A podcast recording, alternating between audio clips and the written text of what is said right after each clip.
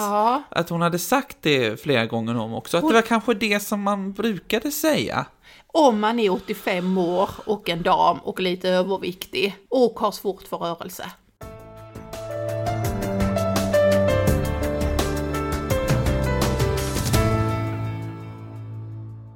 Välkommen till Utmanarpodden! Podden som medvetet blandar olika målgrupper som ledare, medarbetare, människor överlag, för vi tror på en hel människa. Ingmarie, välkommen! Tack så mycket Magnus! Mm, känns det bra att sitta här idag? Ja, det gör det. Jag är taggad på att prata holistisk syn. Ja, vi kommer snart till det vad det är. Jag rynkar på näsan. Inte kanske för att jag tycker att det är ett dåligt ämne, men jag förstår inte vad det är, så det måste vi återkomma till. Innan det, Mm. som man pratar om mycket nu för tiden, man pratar om individer. Du är en individ, jag är en individ, här har vi en grupp individer. Men det känns lite som att man slänger sig lite med det ordet. Vad, vet du vad det här betyder, alltså ordet individ? Individ kommer egentligen från latin. Eh, då hette det, eller heter, individum. Och det är faktiskt en benämning som betyder odelbar. Man kan också säga not divide, det vill säga den går inte att dela. Individ, inte delbar. Ja, det är verkligen Ja. helt rätt kopplat till dagens tema som handlar om helheten på något sätt. Människa går inte att dela. Holistisk syn, sa du något om? Ja, det är en, en helhetssyn, det vill säga att man måste se ihop en helhet av ett sammanhang. Det är inte så att vi kan dela upp en människa. Vi kan inte heller dela ut eh, människan utifrån, eller ta bort den ifrån sitt sammanhang. Utan det är tillsammans i sin kontext, i sitt sammanhang, som människan blir en människa. Jobbar du liksom med holistisk syn? Ja, jättemycket försöker jag hela tiden att tänka, vi måste lyfta oss lite och se helheten här. Är det ett komplext ärende så försöker jag tänka, nu lyfter vi oss och ser vad är det för någonting vi ser. Pratar jag med människa så tänker jag, det finns någonting mer än den lilla, lilla biten jag ser av en människa. Och det är väl också i ditt arbete när du kommer in i olika grupper eller som coach att du liksom ser den här människan och den här individen. Vad kan jag göra här? Ja. Vad är Eh, helheten i det här? Va, vad är det egentligen ja? Och, och jag har ju själv erfarenheter som gör att jag känner, nej det där blir inte bra alltså om vi delar upp en människa. Har du varit med om det själv? Alltså, Alltså ordet holistisk syn kommer, använder man väldigt mycket inom vården och det är faktiskt inom vården. Jag har inte varit mycket där men jag har en historia där som är mittemellan tragisk och komisk. Eh, som gjorde att jag väldigt mycket fick in tanken omkring hur ser man en hel människa. tyvärr kanske det är många som delar just den känslan inom det. vården. Eh, och jag drar min historia väldigt snabbt. Jag eh, bröt eh, ben på, in i foten två ställen. Och jag fick opereras, sövas, opereras och så blev det en behandling och rehab på det som det då heter. Den första erfarenheten var nog när man kom in på sjukhuset och man var hon C56. Jag har liksom bara patientnummer. Eh, ja, jag var nog fotankel nummer 56 som skulle opereras eller fixas, eller om jag låg i sal C och den sängen hette 56, fråga inte mig. Men det var väldigt tydligt att de var inte intresserade av mig. Jag till och med fyllde år den dagen som detta hände. Men eh, det var endast när de skulle ge mig morfin till operationen som de upptäckte det, för då frågade de efter personnummer. Det var en sån där check för att man inte är för drogad av tidigare doser. Och då sa de, ja du fyller ju år idag. Ja tack för den, det visste jag. Men på något sätt så var det, jag var en fot för dem. Det var den första erfarenheten, att man bara är en fot. Men jag var inte en fyrabarnsmamma och jag var inte en kvinna som fyllde jämnt eller någonting, utan jag var fot 56. Hur var den upplevelsen då? Hur kände du dig? Då kände jag ingenting, då var det mer så här liksom en reflektion, tänk att man har blivit en nummer 56, C56 var det också. Det var mer liksom bara en, eh, inga känslor, mer ett konstaterande. Känslorna kom väl faktiskt efter den här rehaben som skulle dras igång då med fysioterapeuten, det som förr hette sjukgymnaster då. Där det då visade sig att mitt ben då svullnade upp väldigt mycket. Så att jag fick en tuff, eh, du måste gå till sjukgymnasten. Det gjorde jag. Hon såg mitt ben och sa oj, oj, oj, oj, oj, det var svullet. Du behöver röra dig lite mer. Så till när jag kom tillbaka till nästa gång så hade jag rört mig lite mer. Och när jag kom tillbaka nästa gång så sa hon, det ser inte bra ut detta. Jag tänker om du skulle kunna få in lite mer rörelse i din vardag. Det hade varit jättebra. Och så mätte de och fixade på benet och sa att det såg inte bra ut. Så att om jag kunde kanske till nästa gång röra mig lite mer. Det höll på så i flera veckor. Till sist innebar detta att jag låg på en rörelse som innebar att jag var fyrabarnsmor, hade fyra barn hemma. Jag hoppade runt och fixade och donade med mitt en och halva ben. Jag ehm, rörde mig automatiskt som man gör i ett stort hus, stor trädgård, stor familj. Till det så, eftersom hon hade sagt att jag skulle röra mig lite mer, så passade jag på att gå på stranden så att jag gick 6 kilometer minst varje kväll i lös sand. Jag tänkte det måste vara bra för foten. Det är riktigt tungt. Ja, det är också. jättetungt. Det är ju jättestor träning. Ja, men hon hade ju sagt att jag skulle röra mig mer. Så det gjorde jag ju. Det blev bara mer och mer. Sen hände det tragiska, komiska. Att jag kommer tillbaka och det har inte blivit bättre. Och då säger hon så här. Men Ingmarie, du har inte tänkt på att till exempel när du sitter på kvällarna vid tvn där rätt länge, rätt många timmar. Om du bara tog bort fjärrkontrollen och så någon gång av, under kvällen så ställer du dig upp och går fram och byter kanal på tvn istället. Ja, det, ja, men det är faktiskt så man kan skratta. Hennes bild var alltså rörelse och röra sig lite mer var att någon gång under tv-kvällen gå fram och trycka på tvn. Medan jag kanske gick en 10-15 tusen steg var dag plus gick i lössand.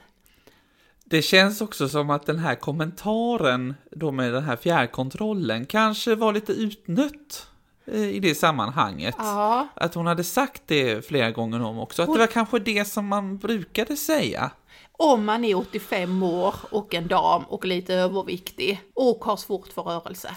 Hon såg verkligen inte mig. Så tack vare den fysioterapeuten så måste jag säga att jag har känt mycket, tänkt mycket och tagit med mig väldigt mycket med lärdomar om att se en hel människa.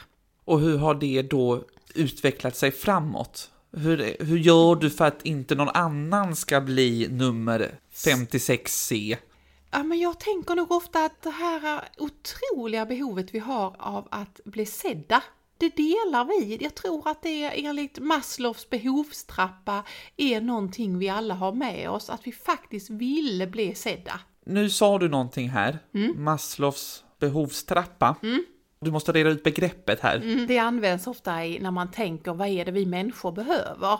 Och så tänker man att vi skulle kunna gå som i en stege och där det är så att det allra första vi behöver det är vad heter det, tak över huvudet, mat i magen, mest basala fysiska behoven.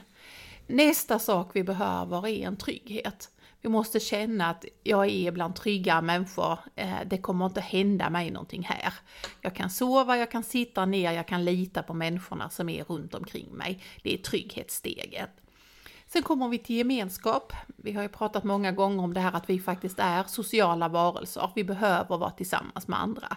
Vi lär oss av andra, vi skrattar med andra, vi gråter med andra, vi lever med andra. Och då är det steg tre, gemenskap. Så kommer vi längre upp på stegen och då pratar man om att man behöver skapa en självkänsla och allra längst upp så vill vi ofta självförverkliga oss. Vad jag nu sa handlar ju om de allra mest första stegen, att bli sedda. Det ligger ju i steg två, att vi faktiskt känner oss trygga. Det är någon som har sett oss för den man är då. Vilket naturligtvis jag kan bara ge så mycket cred för att de inte gjorde eh, innan jag råkade att för en gångs skull befinna mig i sjukvården. Mm. För om man väl känner det så kan jag inte tänka mig att du... eh, Så har du ju aldrig varit den som sitter still och letar efter fjärrkontrollen så att säga. Nej, precis. Så, så Men du Magnus, kan vi inte hoppa tillbaka lite till det här med att dela upp människan? Vi kommer Absolut. tillbaka till det här med att bli sedd, men Mm. dela upp människan. Vad tänker du med det? Jag tror att vi väldigt gärna också vill dela upp oss själva. Att vi ger oss det. Att man tänker att ja, men nu spelar jag en annan en roll på jobbet och jag spelar en roll i privatlivet och jag spelar en, en annan roll liksom tillsammans med vänner eller vad det nu kan vara för någonting. Att man styckar upp sig själv i så många delar.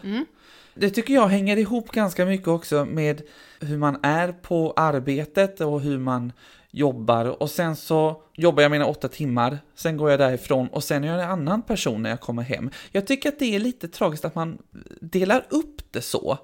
Önskar att man hade liksom varit samma person eh, genom hela de här 24 timmarna som vi har. För när vi styckar upp då blir det ju inte helheten. Då, då har vi ju inte den Nej, synen på oss. Så det tycker jag, och det tycker jag att jag ser ganska mycket i min bekantskapskrets, att man jättegärna vill dela upp sin tid och de personligheter som man är. Ja. Att man säger, nu spelar jag den här rollen på jobbet, och är lite mer striktare och sådär. Eh, och sen så kommer man hem och då kan man slappna av och då tycker man så här, åh, oh, vad skönt att lämna det här jobbet. För då slipper jag vara den här personen. Och det tycker jag är lite sorgligt. Ja, på något sätt har man ju gått in i, i ett rollspelande. Och, och med så många roller så vet du lika bra som jag att då blir det ju rollkonflikter. Mm. Vad, vad är det för konflikt där mellan? Jo, på grund av att man har en massa olika roller. Och då kan man ju börja tänka så här kanske, om man, gör man det här frekvent så kanske man börjar liksom tappa lite sin identitet. Ja. Så här, det blir, vem är jag i allt det här? Och det är väl därför man ibland brukar prata om att man har kriser i livet och så försöker man sätta ord på det, att det är antingen är när man är 30 eller 40 eller 58 eller vad det nu är. Eh, och det är kanske för att man lite vaknar upp av att oj, oj, oj, vem är jag egentligen? Eh, mitt älsklingsord egentligen. Vem är man egentligen? Och jag, ibland tänker jag att den här uppdelningen innebär ju också att ett stresspåslag skulle jag vilja säga. Då måste man ju ha koll på vem var det nu jag skulle vara där och vem är jag där? Istället för att försöka leva livet som den människa man är. Verkligen, för då har vi ju också någon form av en hälsoaspekt på det här. Eh, om stresspåslagen kommer upp och då kanske du, som vi pratade i ett tidigare avsnitt, där vi pratade om misstag, kommer du ihåg det? Japp. Och då kanske du gör en massa misstag. Då måste du liksom jobba med det också. Jag tror att den här uppdelningen som vi gör och som vi gör med andra också, vi blir inte hela människor av det. Nej. och till och slut det- så blir, kanske vi blir karikatyrer. Av oss istället. själva. Ja. Ja. Och det som är intressant är ju att du nu pratar om två perspektiv. Både det perspektivet att vi själva delar upp oss, men också, så det vill säga inifrån då va. Men också utifrån har vi ju att folk delar upp oss. Alltså vården är ju tyvärr ett gott exempel eller ett dåligt exempel. Att antingen går du dit och så söker du för att du har, tror att du har halsfluss, men då passar du inte på att visa att du har någon vårta på lilltån, för du har ju inte sökt för det. Alltså är det olika saker och då måste vi dela upp det. Eh, men vi är också olika människor utifrån vem det är vi pratar med. Så vi har utifrån trycket och inifrån, inifrån trycket att vi inte lever som de hela människor vi är. Och för mig innebär en hel människa det är att man ser både det fysiska, det vill säga jag och min kropp, det psykiska, det sociala och det existentiella. De fyra perspektiven är i alla fall för mig att bli en hel människa. Det finns olika teorier och bakgrunder över hur många perspektiv man vill se på en människa, men de fyra har landat hos mig. Jag är en kropp, jag har ett psyke, jag har ett socialt sammanhang och jag har också ett existentiellt perspektiv att veta och tänka omkring min existens här. Eh, och, och då är frågan liksom, ägnar vi oss och ser oss som en hel människa? Jag tror inte det riktigt. Alltså jag tror att vi har gått in i de här rollerna så mycket så att vi, vi tror på dem. Ja men nu är vi så här på, eh, på jobbet till exempel, eller nu är jag så här eh, i mitt sociala sällskap.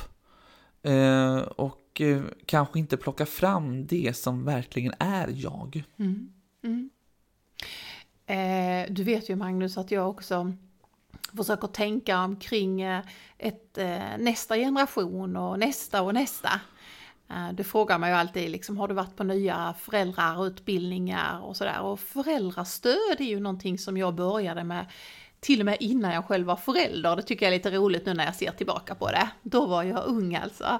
Jag hade föräldragrupper och haft öppna förskolor med föräldrar och det här med att ha haft mycket föreläsningar för olika föräldrakonstellationer.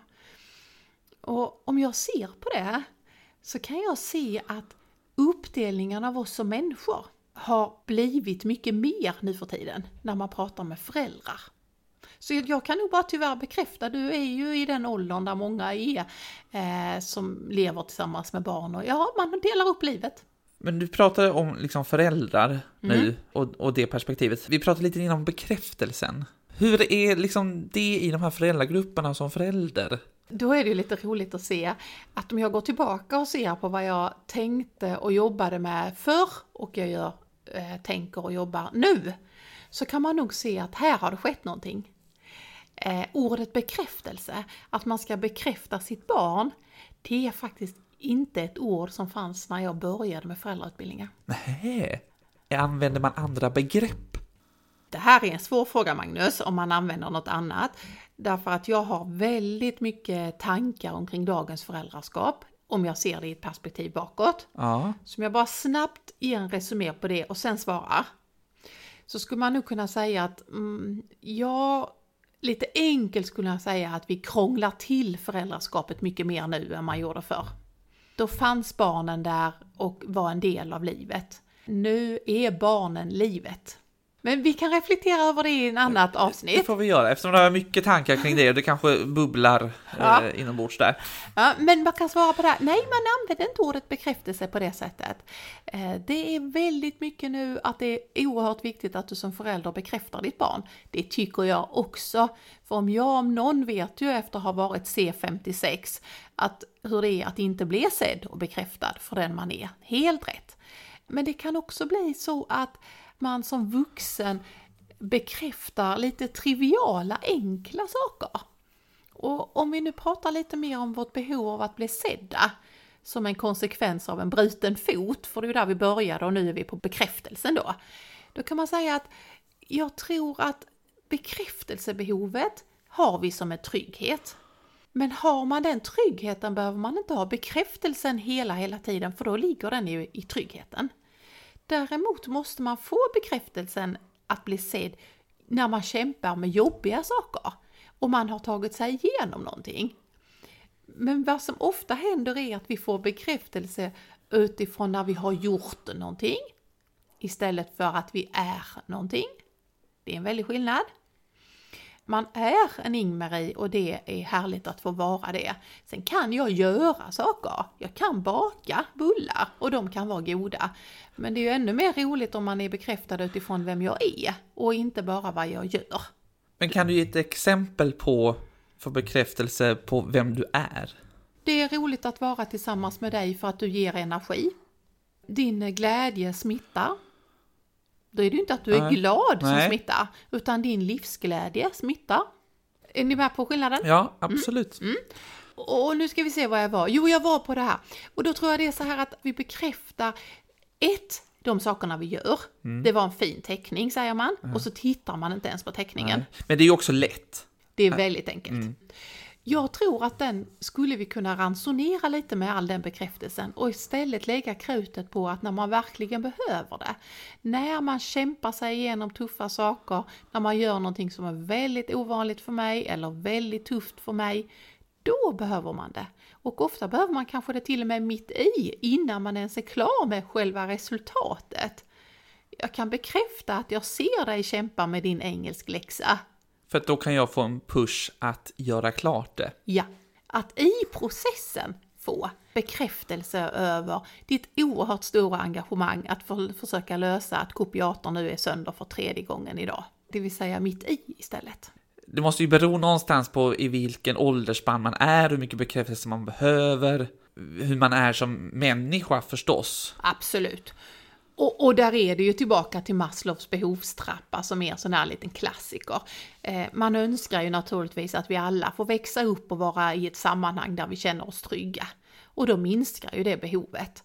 Därför att då finns det en grundtrygghet. Är du grundtrygg på din arbetsplats? Eh, här känner jag mig trygg, inga hugg i ryggen, jag vet vad som förväntas. Då vet man men svajar det i livet så har man naturligtvis mycket större behov av att eh, få någon bekräftelse att man befinner sig på rätt väg. Men hur jobbar du med bekräftelse? Ja, men jag försöker nog att inte bara gödsla ute Det här med att hela tiden säga det. Fast jag tror att jag tyvärr är- många gånger inte lyckas med det. För vi har blivit ett sånt här att man säger. Det har blivit istället för att säga hej så säger man vad bra du är eller vad duktigt av dig eller sådär. Framförallt till barn har man ju ofta ett sånt Ja, lite förenklat eh, bekräftande som kanske inte har så stor betydelse egentligen. Sen tror jag att det är så här att vi skulle kunna hjälpa varandra och, bli mycket mer sedda. Eh, jag var och köpte en kaffe, eh, kom in, hon som var efter mig stod och väntade. Och när jag gick ut så sa jag, jag vill bara säga till dig, jättesnygga tights du har på dig. och jag tror också att vi kan ge den känslan, men bara i en sån liten sak, Mm. Vilken energi du ger. Det är ju fantastiskt att få det eh, till oss. Det är ju lite som den här, det var roligt för jag började, när du pratar här nu så försöker jag, kommer det upp en låt i mitt huvud. Mm. Som är, som Josefin Nilsson och Einbusk eh, sjöng, Mm. Älska mig för den jag är. Just det. En form av en längtan till att få bekräftelse Ja. och en önskan om Mm. det. Mm. Och det är väl det som vi vill ha som människa. Ja, som är så grundläggande för Ja, oss. precis. Mm. För att vi ska kunna få en helhet. Det är nästan som liksom ett blod på något sätt. En puls som vi behöver få, det här, den här bekräftelsen. Ja. En energi utav det. Jag kan ju bara tänka så här, till exempel när jag har eh, stått på scen eller står på scen, då är det är ju en bekräftelse om något. Jag tycker så mycket om det så att jag vill få den där kicken igen. Ja. Men samtidigt så är det ju också någonstans någon vädjan om att, ja men älska mig för den jag är. Mm. Och samtidigt är det ju så här att bekräftelsen och att bli sedd är ju eh, en grundplatta. Men vi får inte liksom gå vilse i det och tro att det bara handlar om att stryka med oss. Det är ju därför det också heter Utmanarpodden. För att faktiskt bli sedd innebär ju också att man pushar en människa lite till.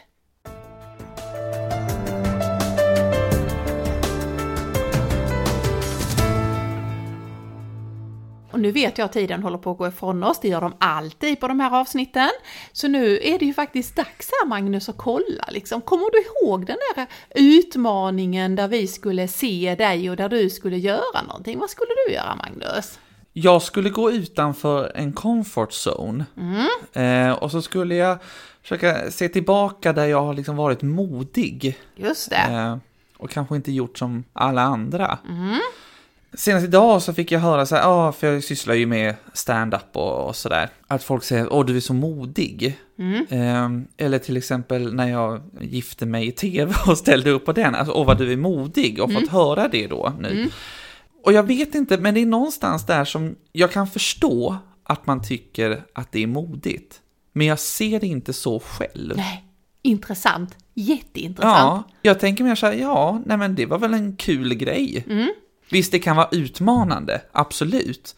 Men jag kan inte se det som ett modigt, modigt för mig. Det skulle vara att liksom klättra högst upp på det här, ja, på ett tak säger vi. Ja. På en hög byggnad. Ja, Eller klättra i berg. Det skulle vara modigt för mig. just det. Intressant. Ja, Att du kan se nästan lite som ett barn som har ritat en teckning. Det var ingen stor insats att göra det, men man får jättemycket cred för det.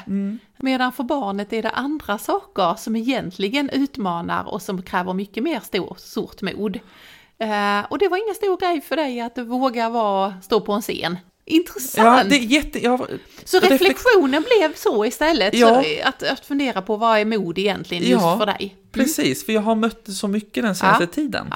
Ja, Och så mött nya människor som då har, när man får berätta om sig själv så mö- möts man av det. ja Så. precis. Vi ska ju också prata förstås om din utmaning Ingmarie som du fick. Kommer du ihåg vad det var? Ja, jag kommer ihåg att jag skrattade rakt ut i poddavsnittet. Det var nog ett litet nervöst skratt. Mm, det lät som det. Ja, när du säger du ska hålla på med någon bollsport. Jag ser aldrig att du gör det. Så då fick jag ju fundera på vad är en bollsport som jag skulle kunna tänka mig. Men jag hann inte att tänka på det, för jag tror att det var så att någon hade lyssnat. Så att det blev att jag blev inbjuden till en badmintonmatch. Mm. Var ni två lag då? Eller? Ja, vi spelade dubbel heter det så. Ja, precis. Mm. Ja, för det ingick väl också att jag fick inte vara själv med bollen, Nej, det fattar precis. jag ju liksom. Mm. Så eh, vi spelade dubbel där. Alltså det är väldigt roligt att göra saker tillsammans. Jag taggar ju alltid på det liksom. Ja. Sen tog det ju lite längre tid att förstå det här med att, få fnutt på den där fjäderbollen som skulle upp och ner och över nätet och smashas hit och dit och så. Men eh, jag har gjort det. Skulle kunna tänka mig att göra det igen. Ah, vad härligt. Jag tror ju att det, jag har ju bättre fysik för det än vad jag har för att spela hockey eller något liknande ju så att eh, vi, vi, ja absolut. Eh, Badminton får det bli igen. Då får vi väl kanske se om det är någon där ute också som sysslar med just eh, badminton eller någon annan lagsport som de kan utmana sig i. Ja, och som kanske kan bjuda in mig till. Ja, Det hade varit jätteroligt ja. Får jag prova på igen, något nytt alltså. ja men precis.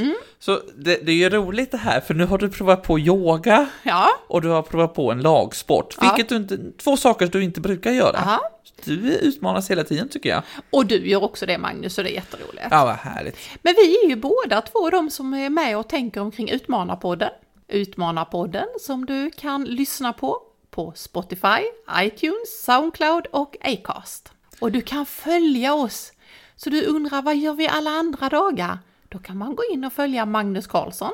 Eller så kan man gå in och följa Rundvall Konsult. Och är man riktigt, riktigt nyfiken så kan man ju söka upp min privata sida också som då är Ingmarie Rundvall. Perfekt. Så med tankar om att eh, inte vara uppdelad till en C56 utan faktiskt få vara en hel människa och bli sedd som en hel människa så avslutar vi dagens avsnitt med den här låten. Låt livet komma nära. Se mig för här är jag Min enda längtan nu och här. Älska mig för den